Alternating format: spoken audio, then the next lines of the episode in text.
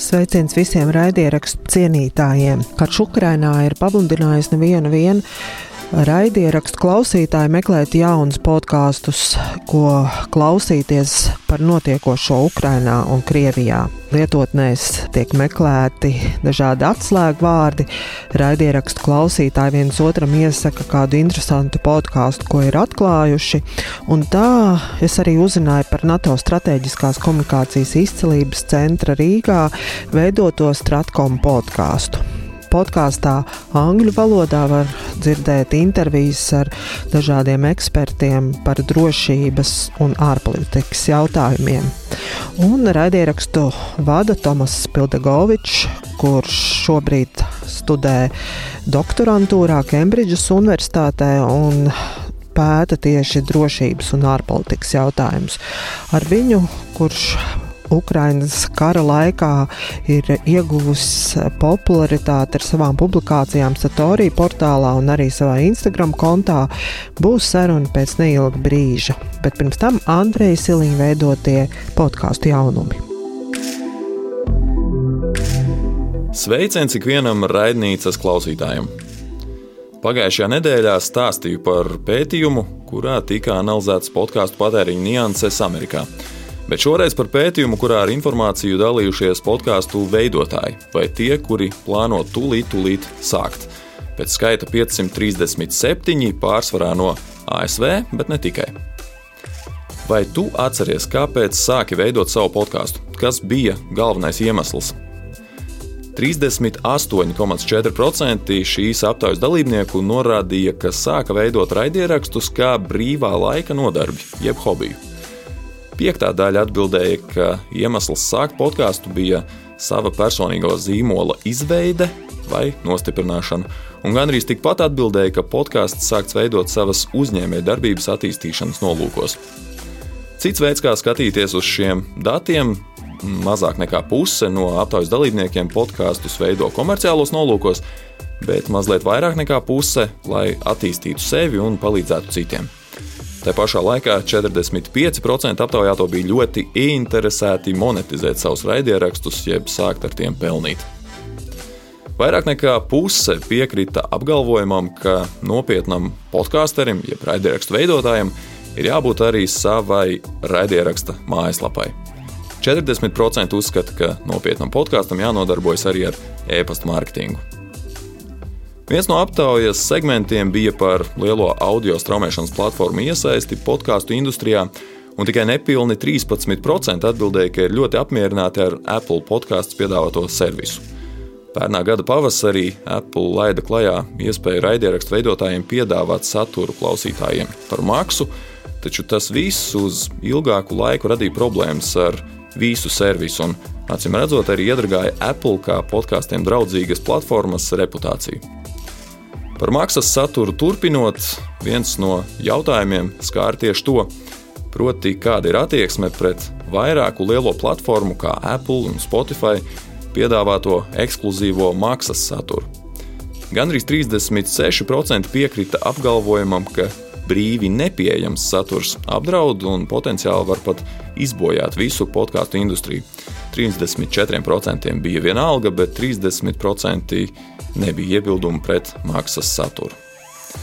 Bez pārsteigumiem 93,5% uzskata, ka sociālai tīkli ir svarīgi sava podkāstu promotēšanai, jeb reklamēšanai, un tikai 6,5% atbildēja, ka sociālai tīkli podkāstu virzīšanai nav būtiski. Daudz interesantāk ir tas, kā podkāstu veidotāji mēra to, vai viņu veikums ir izdevies vai nav. Un pats galvenais rādītājs, pēc kā nomērīt savu veiksmi kā raidierakstu veidotājiem, ir lejuplāžu jeb straumējumu skaits. Tam seko interakcija ar klausītājiem, saņemtie ēpasti, pozitīvu vērtējumu, atsauksmes podkāstu platformās, pozitīvas atsauksmes no klausītājiem arī sociālajos tīklos.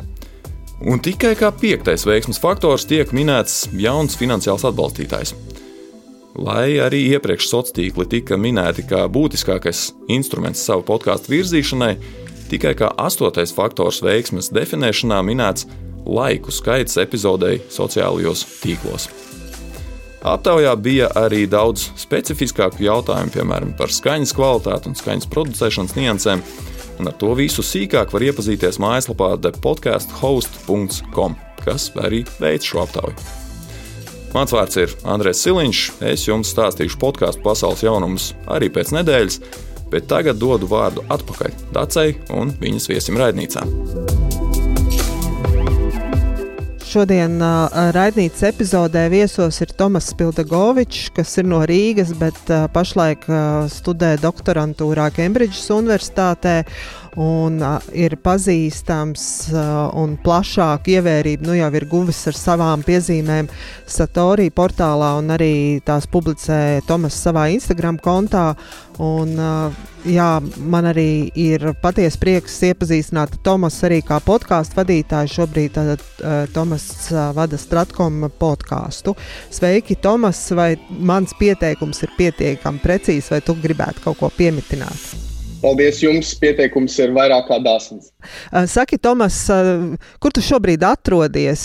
Jā, tātad parasti es uh, uz doto brīdi studēju Kembridžas Universitātē, bet šajā acu mirklī esmu uh, devies uz ASV, lai apciemotu savus vecākus. Mums uh, gan Covid, gan dažādi citi šķēršļi liedza tikties kādu laiku, jo bija ierobežoti lidojumi un ceļošanas iespējas. Tāpēc tagad, tā teikt, atgūstu iekavēto pastāsti par savu darbošanos, un arī jā, um, tu regulāri publicē savus piezīmes, kā tas ir, uh, sekot līdz notikumiem, ko it kā šķir tik liels attālums. Nu, es, es domāju, ka ņemot vērā raidnīcas teikt, uh, fokusu, es domāju, ka jāsāk ar, protams, ar uh, Stratkom podkāstu. Tātad līdz šim man ir bijusi tā privilēģija vadīt podkāstu, ko organizē NATO Strateģiskās komunikācijas izcīlības centrs. Uh, ja kāds to gadījumā vēl nezina, tepat pie mums Rīgā ir bāzēts šis NATO Stratkom centrs, kas ir faktiski starptautiska militāra organizācija, kas īsteno dažāda veida pētījumus un analīzes par norisēm informācijas telpā. Tad, uh, lai nedaudz samazinātu abstrakcijas pakāpi, uh, tā pēta dažādus riskus, kā kiberkaru, informācijas manipulāciju, dezinformāciju, tehnoloģiju ietekmi uz komunikāciju.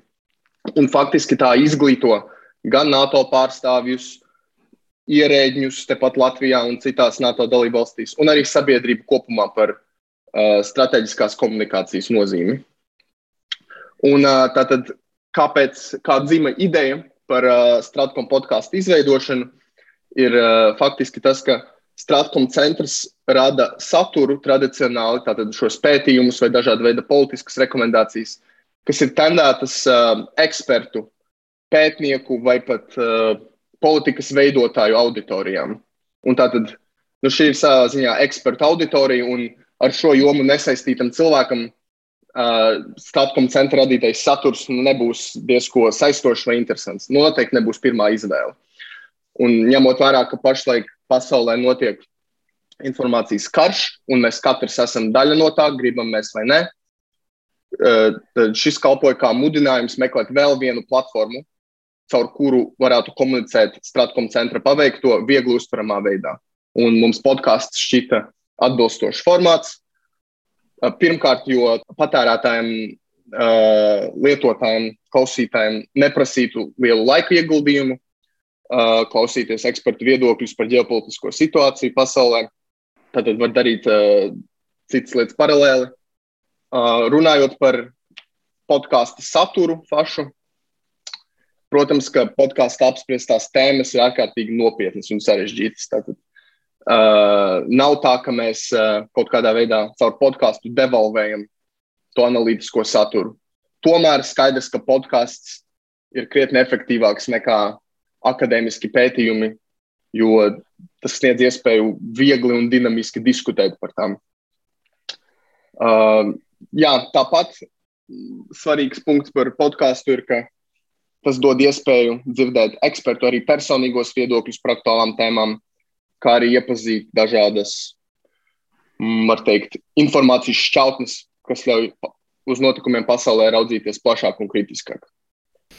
Un kā tu redzi šobrīd, nu, kad tik ļoti daudz cilvēku redzeslokā ir ienākuši jautājumi, kas ir saistīti gan ar kaut kādām konkrētiem notikumiem Ukrainā vai Krievijā, beidzot arī ar nu, tiešām jau tādiem plašākiem jautājumiem par drošību, to pašu informatīvo karu un tā tālāk. Kā tu redzi kā tas ietekmē jūsu tieši Stratkom podkāstu darbošanos, ka šī interese ir nu, jau plašākā cilvēku lokā, ne tikai eksperti, kur varbūt par to uh, raksta kādus darbus? Viennozīmīgi gan skatījumu, gan klausījumu skaits ļauj noprast, ka sabiedrībā tiešām ir milzīga interese par notiekošo. Un arī, ka sabiedrība augst pēc alternatīvām jau ierastajiem ziņu portāliem un, nezinu, vakara panorāmai. Un to pašu es varu attiecināt arī uz savu, savu Instagram kontu. Skaidrs, ka cilvēki vēlas meklēt jaunus, uzticamus avotus, kas pasniedz informāciju tādā vieglāk saprotamā veidā, bez, bez arogances, uh, bez kaut kāda arī emocionāla patosa.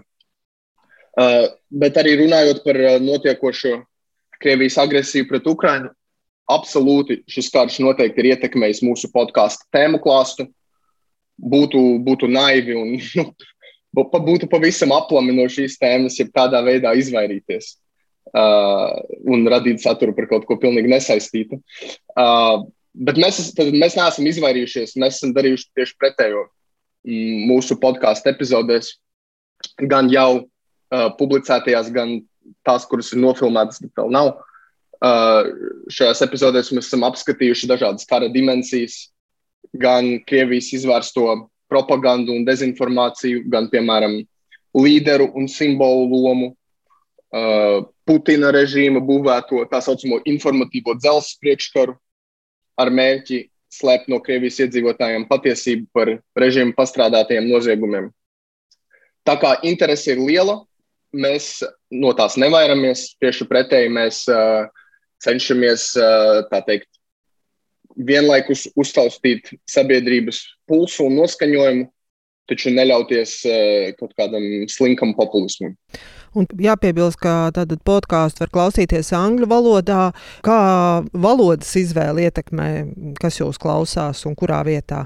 Jā, nu tātad pirmkārt ņemot vērā, ka NATO ir, NATO ir startautiska organizācija un arī NATO Stratkom centrs ir startautiska organizācija skaidrs, ka mums ir starptautiska auditorija. Tāpēc arī podkāsts ir angļu valodā. Un es domāju, ka Latvijas podkāstu teikt, scēnā tas ir salīdzinoši unikāli. Un tas ļauj mums aizsniegt uh, dažādas uh, arī nestandarta auditorijas. Par pašu valodas izvēli uh, no savas personīgās pieredzes. Es pats bērnību pavadīju, vai daļu bērnības pavadīju Vašingtonā, ASV, jo esmu uzaugusi diplomātu ģimenē, un arī daudzus gadus esmu studējis Lielbritānijā, vispirms uh, Londonas Karaliskajā koledžā un, un tad Kembridžā, kurus joprojām studēju. Tātad uh, man angļu valoda patiesībā pat ir daudzos veidos parocīgāka, jo esmu ieguvis savu akadēmisko pieredzi un savas akadēmiskās zināšanas primāri angļu valodā. Tas nozīmē, ka angļu valoda man faktiski ir dzimtās valodas līmenī, un tas, protams, padara podkāstu tādu gludāku un klausāmāku. No kurienes nāk jūsu klausītāji? Nu, kā jau minēju, uh, tēmas, ko apskatām pēc būtības, ir, ir nopietnas un analītiskas. Un, uh, skaidrs, ka mūsu podkāsts nav tāda, var teikt, nezinu, iedzeršana ar draugiem uz dīvāna. Kaut arī, jā, atzīšu, es esmu liels fans šādiem podkāstiem, bet, bet uh, diemžēl, uh, mūsu podkāsts neiekrīt, neiekrīt šajā grozā vismaz pagaidām. Varbūt ar laiku man izdosies pielauzt savus kolēģus Stokholmas centrā. Uh, auditorija primāri ir tomēr eksperti vai cilvēki ar padziļinātāku interesi par starptautisko politiku un starptautiskās drošības jautājumiem uh, auditorija ir uh, primāri cilvēki dažādās vai nu NATO dalību valstīs, vai arī NATO partneru valstīs, kā piemēram uh, Grūzija vai Ukraina, uh, vai pat tādi globālie partneri kā Japāna un Singapūra.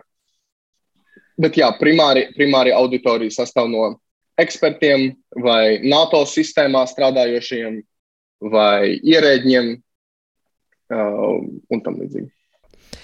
Pastāst, Tomas, par uh, savu pieredzi. Tātad tu vadīji Stratkom podkāstu, raksti arī publikācijas Satorī, un tās var lasīt arī tavā Instagram kontā. Um, tātad tu esi pamēģinājis dažādus šos te veidus, kā dalīties ar to, kas tev ir svarīgi vai kas tev liekas nozīmīgi. Vai un kā tu salīdzinātu šīs savas pieredzes um, pēc taviem ieskatiem, kā tas ir? Nu, jāsaka, ka pret uh, visām komunikācijas izpausmēm, vai nu savu Instagram blogu vai podkāstu vadīšanu, es esmu centies attiekties uh, pietam godprātīgi. Uh, nerunāt par, te, par lietām vai neizteikties par tēmām, kuras nejūtos, ka man būtu adekvāta zināšanu bāze. Tātad to es vēlētos uzsvērt, ka tomēr es, lai arī es esmu, protams, jauns un uh, varu kāds man pārmest eh, pieredzes trūkumu, es tomēr eh, vēlētos tiekties uz ekspertīzi. Tātad pēc specialitātes es esmu ārpolitikas un drošības eksperts. Šobrīd studēju doktorantūrā Kembridžas Universitātē un esmu arī guvis darba pieredzi Eiropas parlamentā pie deputātes Sandras Kalnietes. Tātad es vēlētos uzsvērt, ka gan mana akadēmiskā, gan profesionālā līdzinājā pieredze es uzskatu, ka man ir sagatavojusi uh, šai tādai komunikācijas lomai. Tad nav tā, ka es esmu, uh, nezinu, iepriekš bijis skaistumkopšanas influenceris, un tagad es esmu pārmeties uz politiku vai uz drošību, jo tas ir, teikt, trendīgi vai aktuāli. Es uh, netiecos pēc uh, kaut kādas abstraktas uh, popularitātes, lai Dievs pasargā to, nezinu, monetizētu vai ko tam līdzīgu. Uh, kāpēc, manuprāt, man ir pietiekami veiksmīgi izdevies uh, darboties šajā, šajā arēnā pēdējo mēnešu laikā. Man šķiet, ka no vienas puses man ir nepieciešamās akadēmiskās priekšzināšanas, taču no otras puses es esmu jauns un entuziastisks un zinātnākārs. Un uh, galvenais, es neesmu pielādēts ar cinismu par apkārtējo pasauli pat tik uh, smagos apstākļos. Un, manuprāt, cilvēki to novērtē. Manuprāt, cilvēki novērtē to, ka man ir svaiga enerģija, bet arī atbildības sajūta. Un tie ir tie principi, pēc kuriem es cenšos vadīties. Gan uh, komunicējot akadēmiskajā vidē, gan politiskajā vidē, gan arī komunicējot, es atvainojos, gan arī komunicējot Instagram platformas komentāros ar mm. katru, katru lietotāju. Bet vai tu vari padalīties vēl vairāk par to savu personīgo motivāciju, nu, komunicējot, publicējot, rakstot par šīm tēmām? E, e, viens teica, ka tev ir šīs zināšanas, ir pieredze, ar kuru tur var dalīties, bet e, man liekas, ka tur ir arī vajadzīgs šīs prasmes, vēlmes to darīt un darīt tā, ka tevi sadzird un ka ir cilvēki gatavi sekot un lasīt to, ko tu raksti. E, varbūt vēl padalies par to savu motivāciju, nu, kāpēc tu esi izšķīries, jā, rakstīt, publicēt komunicēt, uh, vadīt podkāstu uh, un komunicēt par šīm tēmām, runāt ar sabiedrību par to? Jā, nu saprotiet, es uh, iestājos doktorantūrā 2019. gadā. Un mana disertācijas tēma ir uh, skar, tā teikt, uh, NATO un Eiropas Savienības lomu Grūzijas un Ukrainas konfliktu risināšanā. Un tas stereotips par akadēmiķiem ir, ka viņi sēž uh, savās um, putekļainajās bibliotekās, urbina dažādus tekstus un raksta nevienam nevajadzīgas disertācijas, ko izlasīs ja, nezinu, pieci cilvēki, ieskaitot viņu mātes, tēvus un darba vadītājus. Un tad, kad sākās, tad, kad uh, Putina režīms izvērsa šo karu, uh, man apkārtējie draugi un paziņas lūdza manu tādu jaunā eksperta viedokli. Un es tā diezgan pa jokam uzsāku šo savu blogu, nerēķinoties galīgi, ka tas aizies tādā mērogā, kādā tas ir aizgājis. Bet ļoti ātri tas pārtapa no tāda entuziasma projekta uz tādu patiesu atbildības sajūtu. Jo es ātri sajūtu no mm, sabiedrības reakcijas, ka cilvēkiem ir bail, ka tas saturs, ko piedāvā tā saucamās mainstream ziņas, ir, maigi izsakoties, nepilnīgs. Tas nesniedz atbildes uz cilvēku, cilvēkiem uh, aktuāliem un tādiem spiedošiem jautājumiem. Uh, tādi, tādi, tādu faktu prezentēšana, kā nezinu, Krievu izšauts lādiņš, trāpa dzīvojamā ēkā, ir tik un tik bojā gājušie. Šādi fakti nesniedz pilnvērtīgu ieskatu kara attīstībā, un uh, visapkārt sabiedrības tādās diskusijās peld dažādi jēdzieni, kā tur sankcijas, vai hibrīdkarš, vai tur taktiskie kodolie, uh, kodolieroči, bet cilvēkiem nav īsti saprotams, ko tas nozīmē. Cilvēki jūtās uh, muļķīgi, cilvēki izjūt kaunu Un man šķiet, ka tā ir bijusi tā mana primārā pienākuma sajūta, ka ņemot vērā, ka es esmu šo pētījis vairākus gadus, aptuveni mani vadīja sajūta, ka, nu, ja nē, es, ja nē, es tad kurš, ja ne tagad, tad kad? Tad priekš kam tad es vispār studēju, priekš kam tad es esmu pētījis šīs tēmas vairākus gadus, priekš kam tad es rakstu savu disertāciju. Skaidrs, ka zināmā mērā priekš sevis man ir neviltota akadēmiska pētnieciska interese par šīm tēmām, Bet nu, ar to nevar viss aprobežoties. Viss nevar aprobežoties ar uh, sava, savas ziņkārības apmierināšanu.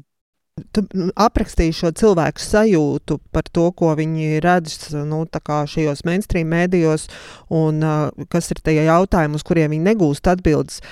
Kā tu to redzi šo situāciju ar to informāciju, kas cilvēkiem ir pieejama uh, drukātajos vai elektroniskajos mēdījos, un kas ir tas, kas viņiem pietrūkst? Vai tu šai sajūtai piekrīt, ko tu aprakstīji pirms brīža? Nu, manuprāt, Latvijā uh, ir zināms uh, vakums informatīvajā telpā.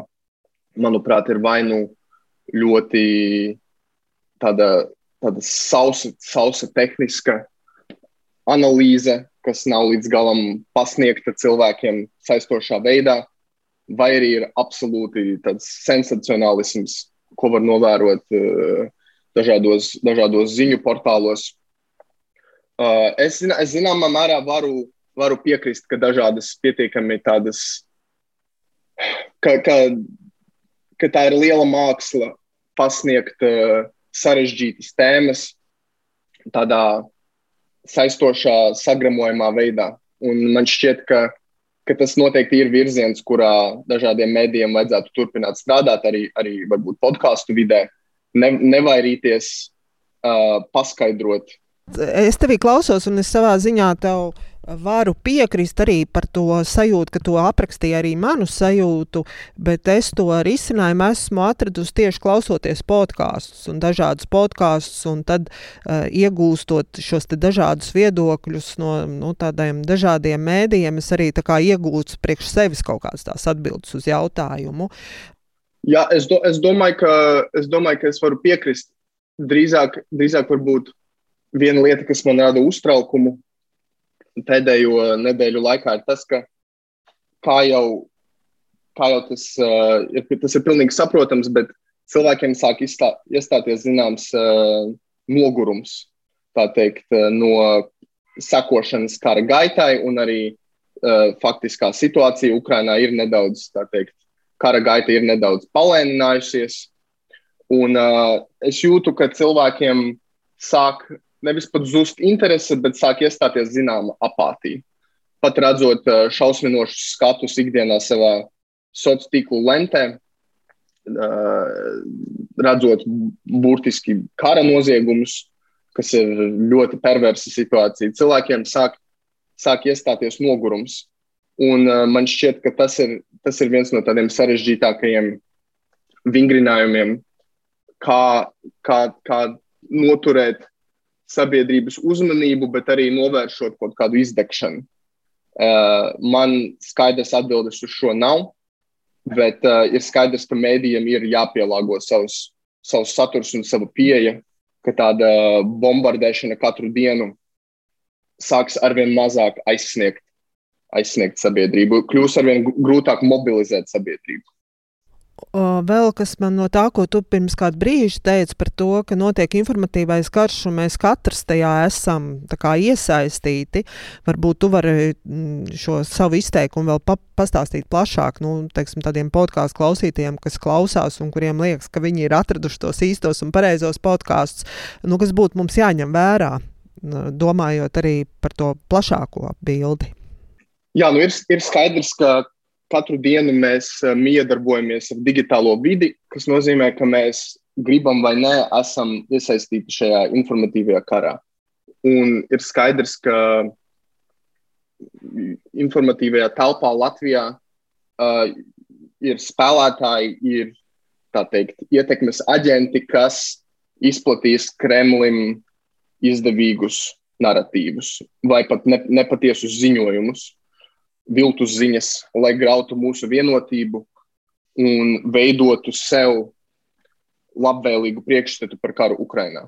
Nu, starp šādiem populāriem narratīviem, uh, teiksim, viens ir galvenais, ka Eiropas Savienība un NATO nav vienoti, uh, ka Baltiju neviens neaizsargās. Tātad spiežot uz dažādām mūsu sabiedrības uh, pilnīgi saprotamām, bet uh, vēsturiskām psiholoģiskām traumām no 40. gada okupācijas. Vai, piemēram, narratīvs, ka Ukraina nesot īsta valsts, ka, nav, ka tas ir uh, tāds fiktīvs izgudrojums.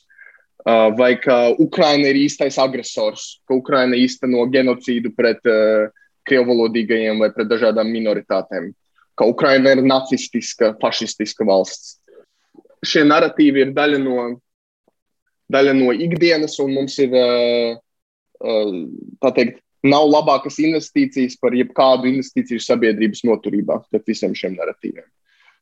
Es domāju, ka rietumu, tīpaši Eiropas Savienības ietvaros, daudz tiek strādāts, lai uzlabotu sabiedrisko mēdīju kvalitāti un to spēju uzrunāt iedzīvotājus. Arī pētnieciskā žurnālistika, zinātniskā žurnālistika man šķiet ir varbūt galvenie tādi uzticamākie avoti. Kā izvērtēt to, vai tu nekļūsti par uh, dezinformācijas upuriem, nu, tu nekad nevari būt drošs. Un man šķiet, ka te ir uh, jāattīsta un jāpaļaujas uz jau esošajām kritiskās domāšanas iestrādēm. Skaidrs, ka tas, ka vienkārši avots nāk no rietumiem, nebūtu nenozīmē, ka tas ir kaut kādā veidā leģitīms vai kredibls. Arī rietumu starpā ir daudz, teikt, gan uh, noderīgo idiotu, gan uh, apzinātu dezinformācijas izplatītāju. Tāpēc uh, es domāju, ka šeit nebūs tāda viena ceļa karte, lai tā teikt, um, viena, viena instrukcija, viena, viena karte, pēc kā var vērtēt, uh, vērtēt visus, visu saturu. Varbūt tev ir kādi ieteikumi par podkāstiem, ko klausīties, ko tu esi atradzis par labiem un vērtīgiem uh, Tieši tad, ja nu, ir interese dzirdēt un uzzināt kaut ko vairāk par karu Ukrajinā un visu, kas ap to ir saistīts. Es domāju, ka es varu ieteikt žurnālu ir podkāstu. Es domāju, ka tur um, gan, gan Pauls Rauceps, gan Aivars Uzoliņš man šķiet uh, sniedz, uh, tā teikt, niansētu analīzi, bet uh, arī, manuprāt, tādā klausāmā, uztveramā veidā kur uh, nav nepieciešams obligāti uh, aktīvi, tā teikt, fact-checkot un lauzīt galvu par katru, par katru izteikto vārdu. Manuprāt, tas ir uh, diezgan, diezgan uzticams un, uh, un interesants tāds brīvās diskusijas formātā radīts podkāsts. Uh, viena ir, protams, analītiskie ziņu podkāsti, kur uh, informē par notiekošo, kur atspoguļo dažādus viedokļus un tā tālāk. Bet uh, vēl ir sadzīviskie, vai, nu, kā tu minēji, podkāsti, kur draugi runā uz dīvāna, kuros ienāk temati arī par aktualitātēm, un kur varbūt ne tik uh, plaši ziņo par notikumiem, bet savā ziņā sniedz tādu emocionālu atbalstu klausītājiem, kuri uh, it īpaši tas bija jūtams uh, kara sākumā, kuri bija apjukuši, kur nesaprata, kas ar to notiek, un tad šie podkāsti bija savā ziņā tāda iespēja nu, paklausīties influencerus, ko viņi par to saka. Uh, varbūt tu esi kaut ko tādu pamanījis, un tev ir ko par to teikt. Nu, ziniet, man šķiet, ka jautā, jautājums ir ļoti labs. Uh, manuprāt, influenceriem nevajadzētu teikt, vairīties no atbildības un uh, kaut kā šīs tēmas ignorēt un uh, visu kara gaitu uh, turpināt likt uh, bildes ar uh, dažādu produktu izvietošanu vai, nezinu, kā uh, kapučīno. Oh, bet jāsaka arī, ka Latvijā daudzu influenceru vidū es varu teikt atzinīgus vārdus. Man šķiet, ka influenceri ir uh, izrādījuši atbalstu dažādām solidaritātes akcijām vai aicinājuši uh, ziedot vai piedalīties piketos vai labdarības koncertos. Tāpēc man šķiet, ka patiesībā Latvijas influenceru vidē gan starp mūziķiem, gan māksliniekiem aktivitāte ir bijusi, ir bijusi pietiekami laba. Uh, kas attiecās uz tieši dažādiem raidījumiem un podkāstiem, man šķiet, ka visoptimālākais būtu, ja influenceri izmantotu savu platformu, lai izgaismotu, lai dotu platformu ekspertiem, lai uh, izgaismotu dažādus uh, zināšanu un ekspertīzes avotus, uh, jo, protams, ka ir lieli riski, ja cilvēki, kuriem nav atbilstošu kvalifikāciju, cenšas uz savu roku absolūti tā spekulatīvi pieiet tik uh, sarežģītiem jautājumiem kā, kā karš un miers. Uh, es skatījos, ka Stratkom podkāstam uh, bija neliela pauze, un sākoties uh, karam Ukrainā, arī podkāsts atsāka savu darbošanos. Varbūt Pastāst tiem, kuri vēl nav atraduši savā lietotnē Stratkom podkāstu, pastāst par to, kas ir gaidāms un kādas epizodes varbūt jau tuvākajā laikā varēs klausītāji noklausīties. Uh, jā, tātad Stratkom podkāsts nedzimst gluži no nulles. Uh, arī iepriekšējos gados tika ierakstītas vairākas sarunas ar ekspertiem. Uh, taču tagad Stratkom podkāsts tiks radīts un publicēts dažādās platformās tādā sistemātiskā veidā. Aptuveni reizi trīs nedēļās, un tas ir, būs pieejams arī visās galvenajās platformās - YouTube, Spotify, Facebook, Twitter. Um, un, un, un, un, un, un, un. Pirmajās piecās epizodēs ir sanācis tiešām varens viesu klāsts, sākot ar uh, Stratkom centra direktoru Jānu Sārtu un uh, eksprezidents Kundzi Vairoviču Freibergu. Un tad nākamās epizodes ir arī ar pasaules klases uh, dezinformācijas ekspertu Grahamu Brookiju un arī Skype uh, dibinātāju Jānu Taulinu. Tā kā ambīcijas uh, turpināt podkāstu ir, tā ieturētā pauze nebija nekāda liela strateģiska izvēle. Mums vienkārši notika iekšēja pārkārtošana un resursu pārplānošana. Taču tagad podkāsts tiks radīts un publicēts tādā sistemātiskā veidā. Kādu epizodi mums gaidīt Stratkom podkāstā, kā saintriģēt potenciālos klausītājus, kuriem tas varētu interesēt? Nu, man šķiet, ka ļoti interesanta epizode būs ar Jānu Taulinu, Skype dibinātāju, kurš tagad ir kļuvis par uh, ļoti aktīvu priekš Baltijas mēroga milzīgu investoru dažādās uh, jaunās tehnoloģijās, tostarp uh, mākslīgajā intelektā.